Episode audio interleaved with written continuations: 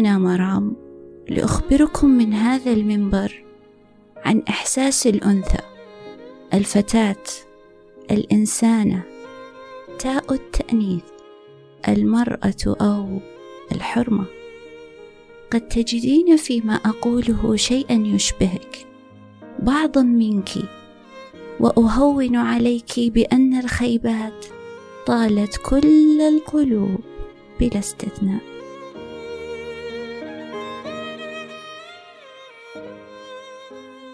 أود تقبيل رأس الشخص الذي أتى بمواقع التواصل الاجتماعي وإن كانت لها سلبياتها الكثيرة إلا أنها أهدتنا تعاطف الآخرين.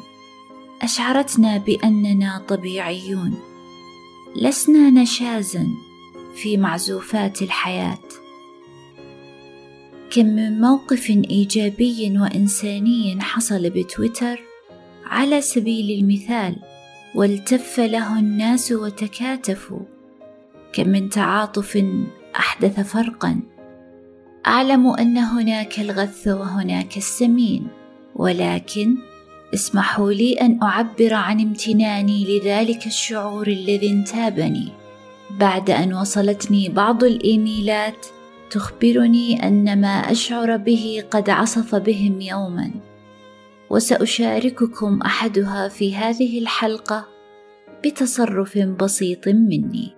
كذلك أصدقائي فتحوا لي قلوبهم وأخذ البودكاست ذاكرتهم لأماكن بعيدة وقريباتي اللاتي كن يخجلن من نبش الذكريات.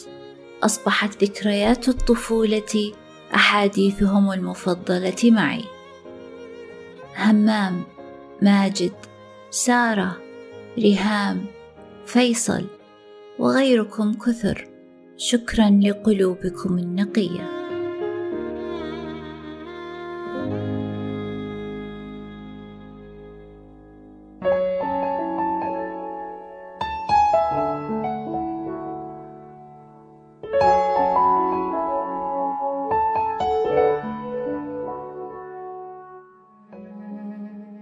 سألتني صديقتي لماذا من نحبهم لا نرتبط بهم في نهاية المطاف؟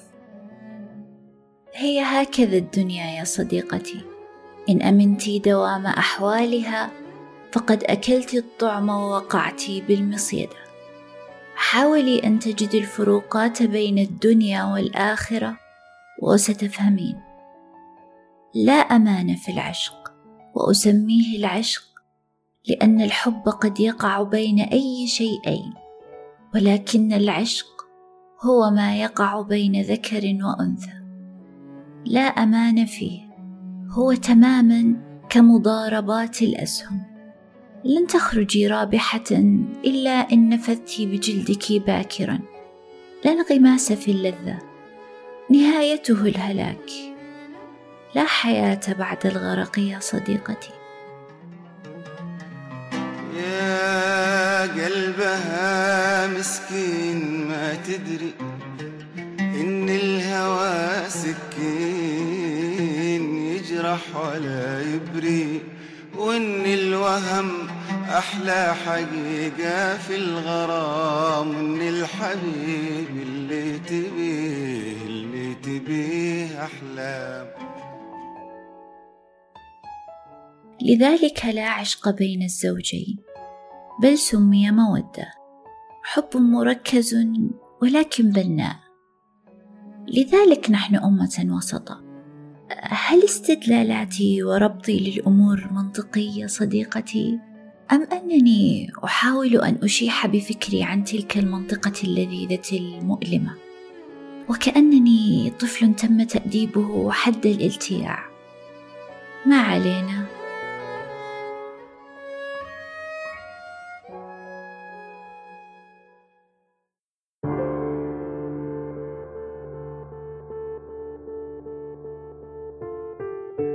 طريقي مظلم. مفترق طرق يشتتني ويرهقني. هنا نور وهمي لنيران بانت مواريها. ومن الأمام ظلام وأسرار لا أدري إلى أين أراضيها. وعلى اليسار منعطف للصبر. ودروب سجاجيد الشوك تكسيها ما من حضن دافئ يحتويني سوى وسادتي وأنا وسادة للهموم وأحتويها. يا هموم تركت الريش والوثير وجئتيني أي راحة في صدري وجدتيها؟ جدران غرفة قلبي كانت بيضاء ما ازدانت إلا بلوحاتك أنت. ثقوب مساميرك من بعدك قادر أن يمحيها؟ حمى فراق صداع اشتياق وله حد الاختناق. وما لي سوى ضلال قديم يداويها؟ آه كم كنت قاسي وكم كنت قويا وطاغي.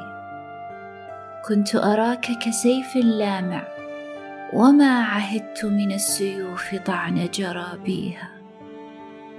يا أنت دعني أحكي للناس عنك. يا فرحا دغدغني يا وجعا يسكنني. يا شوقا ينثرني يا واقعي وخيالي يا استقامتي يا ضلالي. تعالوا هنا فما عدت أبالي فقد استثنتني القواعد.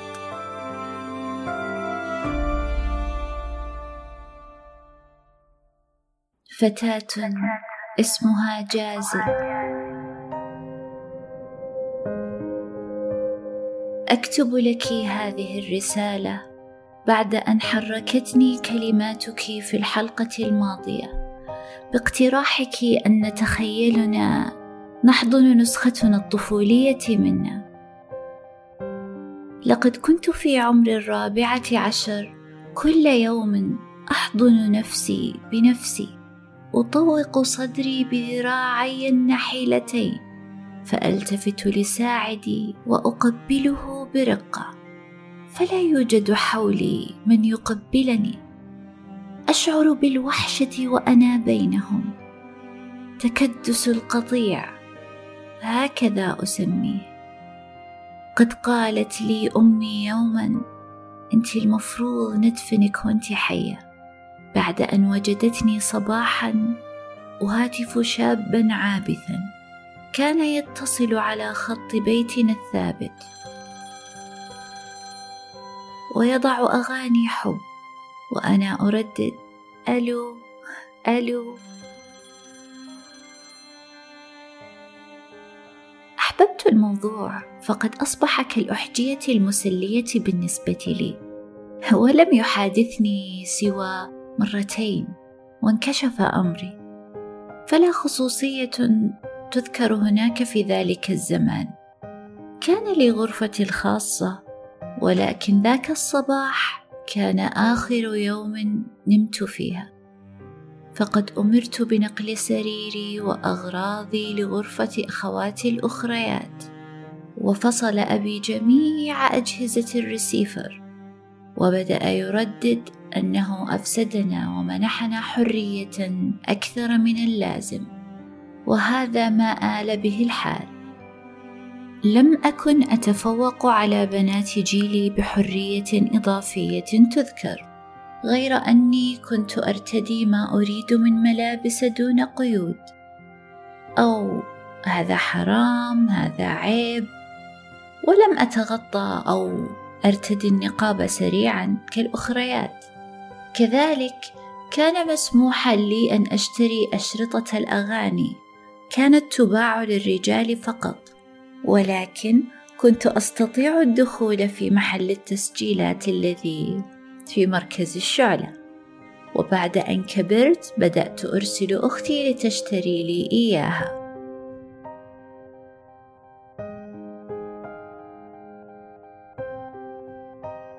قد يتبادر لذهنك أن أمي امرأة أمية. على العكس تماما كانت أمي قارئة نهمة ولدينا الكثير من الكتب والمجلات. كنت أحب أن أجمع قصاصات صور الفنانين واللاعبين التي ما إن رآها أبي حتى مزقها وانبني لم يكونوا متشددين أو كما يسمى مطوعين لكن حالهم كحال البشر آنذاك يمارسون الموروث القابع داخلهم. وإن كان قد آذاهم يوما. هكذا هم البالغون.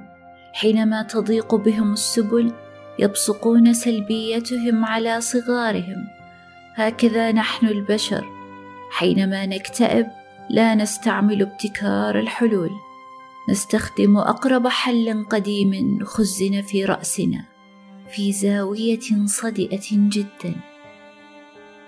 وإن كان أكثر حل قد دمرنا سابقا وإن كان أقسى حل قد وضعه شخص في رفوفنا. نستخدمه.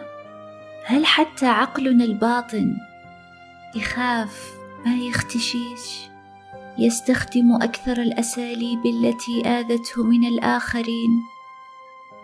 يا رب متى يخترعون كبسولات لهذا الأمر؟ يا رب قلب فؤاد نفس روح أي منها المتحكم الأكبر عقل دماغ مخ وعي. يا رب أريد أن أفهم.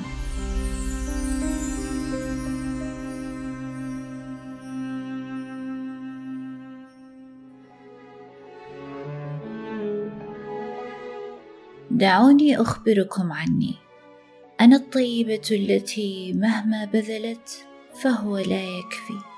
أنا المتهمة بالغطرسة على إخوتها لمجرد أن شعرها أقل تجعدا منه. ويوم أن تساقط شعري من تنمرهم لم أجد منهم شيئا. لم أكن أرى أمي تعاملني بلطف إلا إذا وقعت وقعة مؤلمة مهلكة. لا أجد حنانا أجد شفقة مواساة. ليست مساعدة للنهوض ولا شحم للعزيمة. شيء كالجملة الباردة أنا آسف لخسارتك. قليل هو التفاؤل كل شيء عين حسد أو نصيب. آه خلاص استسلمي. ما تعرفين الاستسلام؟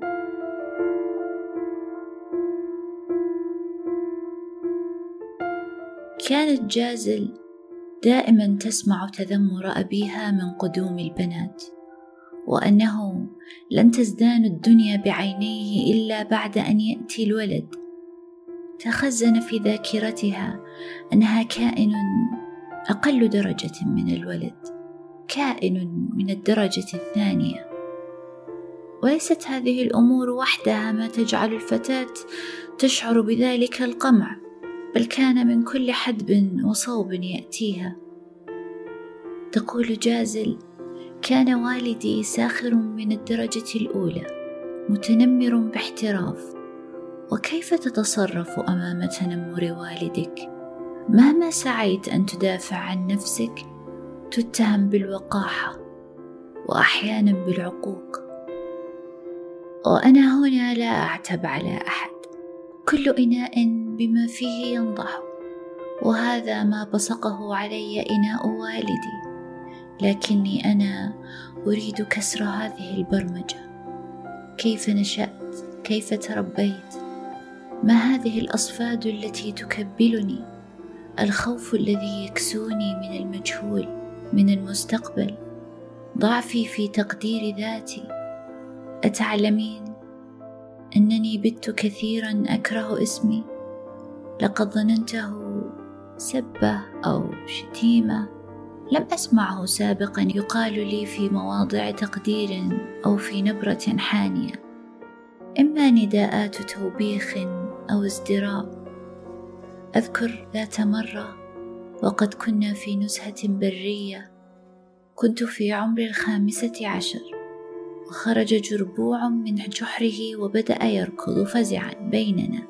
كان أبي يركض خلفه يحاول طرده ولكنه مشى باتجاهي وسار فوق قدمي. صرخت وقفزت بشدة لترتفع كل قدماي للأعلى. وما إن هبطت للأرض. ورفعت رأسي بدأت ألتفت لأفتش عن أحد أحتمي به مذعورة ولكن لم أجد سوى أبي يضحك بشكل هستيري. أليس من المفترض أن يكون هو مصدر أماني؟ في ذلك اليوم عرفت كيف يبتلع الهلع ككرة مسننة. هي الصدمات التي لا تهضم. وإن ابتلعناها بكل ما أوتينا من تجرع.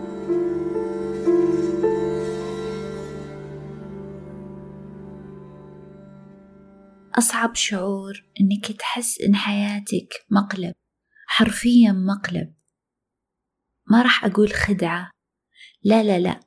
الخدعة تقدم لك بشكل صامت تقدم لك خلسة لكن ضحكة عالية ساخرة في لحظات حرجة لك في لحظة بحثك عن الأمان أجد أنسب وصف لها حياتك مقلب. حسيت أني وحيدة بهالعالم ما حد بيحميني إلا نفسي. ما حد راح يقول لي بسم الله عليك عسى ما جاك شي إلا نفسي. شعور بفقر الأمان أن تسند نفسك بنفسك. وتقيم ظهرك الغض رغما عنه. ليجابه الحياة التي لم يرى إلى الآن منها كثيرا. لكنها حياة مفادها أن المعارك ستأتيك من أقرب الناس لك. إياكم والسخرية لا تعلمون ما قد تفعل بإنسان. إياكم أن تعاملوا الصغار تحت رحمة مزاجكم. رفقا بالمتطلعين. بمن لا زال مستقبلهم ضبابيا كالغيوم.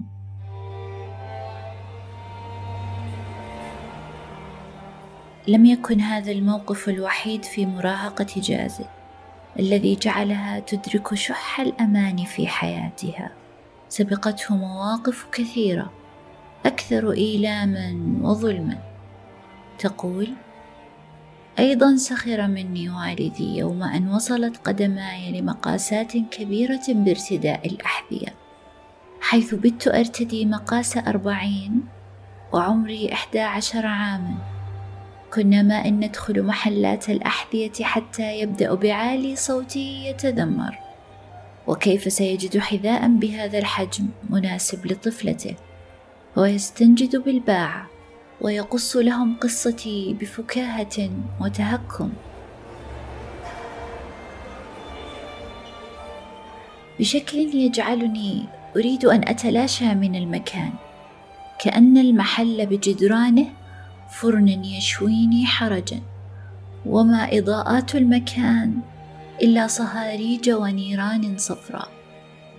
منذ ذلك الوقت وأنا في رعب من أن يزداد رقم مقاس حذائي وأرغم قدمي أن تتكيف مع هذا المقاس رغما عنها بل أرغمتها على الأصغر منه. حتى بدأ إصبع الإبهام يؤلمني بشدة ومشيتي تصبح غير متزنة. حدثني عن التحمل. قلب أنثى منذ أن ولدت يقال لها قص احمدي ربك ترى قبل كانوا يدفنونكم. تكمل جازل مثلك أنا. أحببت كتابة الخواطر. كنت أبتاع مجلة فواصل والمختلف بكل لهفة وشوق. أقتطع من مصروفي لأشتريها لأجد أسير الشوق والملتاع.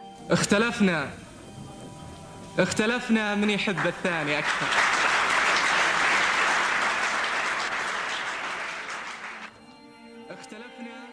خطر ببالي أن ألقب نفسي بصدى الحرمان.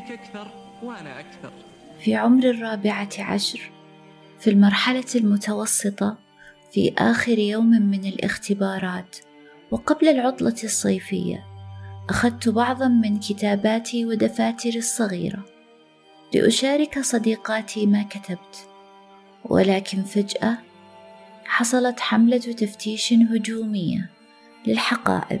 وللفصول وجيوب مرايلنا الكحلية التي تخنقنا كأكياس مستطيلة وإن بان منها شيء من ملامح الجسد سيتم توبيخك. ما الهدف من الزي الموحد بالمدارس؟ ما هو؟ أن يتم التركيز على الدراسة وعدم التباهي بشيء آخر. صح. ما بالهم يلوموننا إن اخترناه لينا يتماشى مع جسدنا؟ كأنه وضع لسحق الأنوثة. من أمر بسحقها؟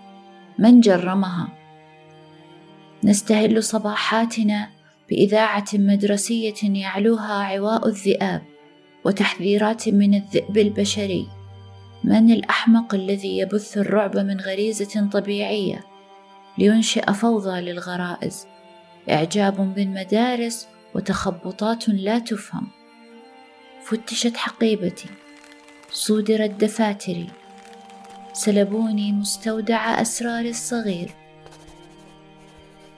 صودر ملاذي هوايتي الأنيقة. وئد مشروع أديبة يولد. كل ذنبها أنها لقبت نفسها بصدى الحرمان وأنها كانت تكتب عن الحب. استدعت المدرسة والدة جازل. وأخبرتها معلمة الدين عن دفاتر ابنتها فعاد أباها من عمله ودخل عليها قائلا محرومة محرومة من إيش محرومة؟ وش شفتي من الدنيا عشان تقولين عن نفسك صدى الحرمان؟ ولعلها كانت نبوءة شؤم لجازل الحرمان شخص لم يجرب منطقة ما ولا يعرفها بتاتا. أهون بكثير من شخص جرب أمرا ثم تحرمه منه. تصعد به للجنة ثم تطلب منه أن يتكيف مع الدنيا. ذلك أمر صعب صعب جدا.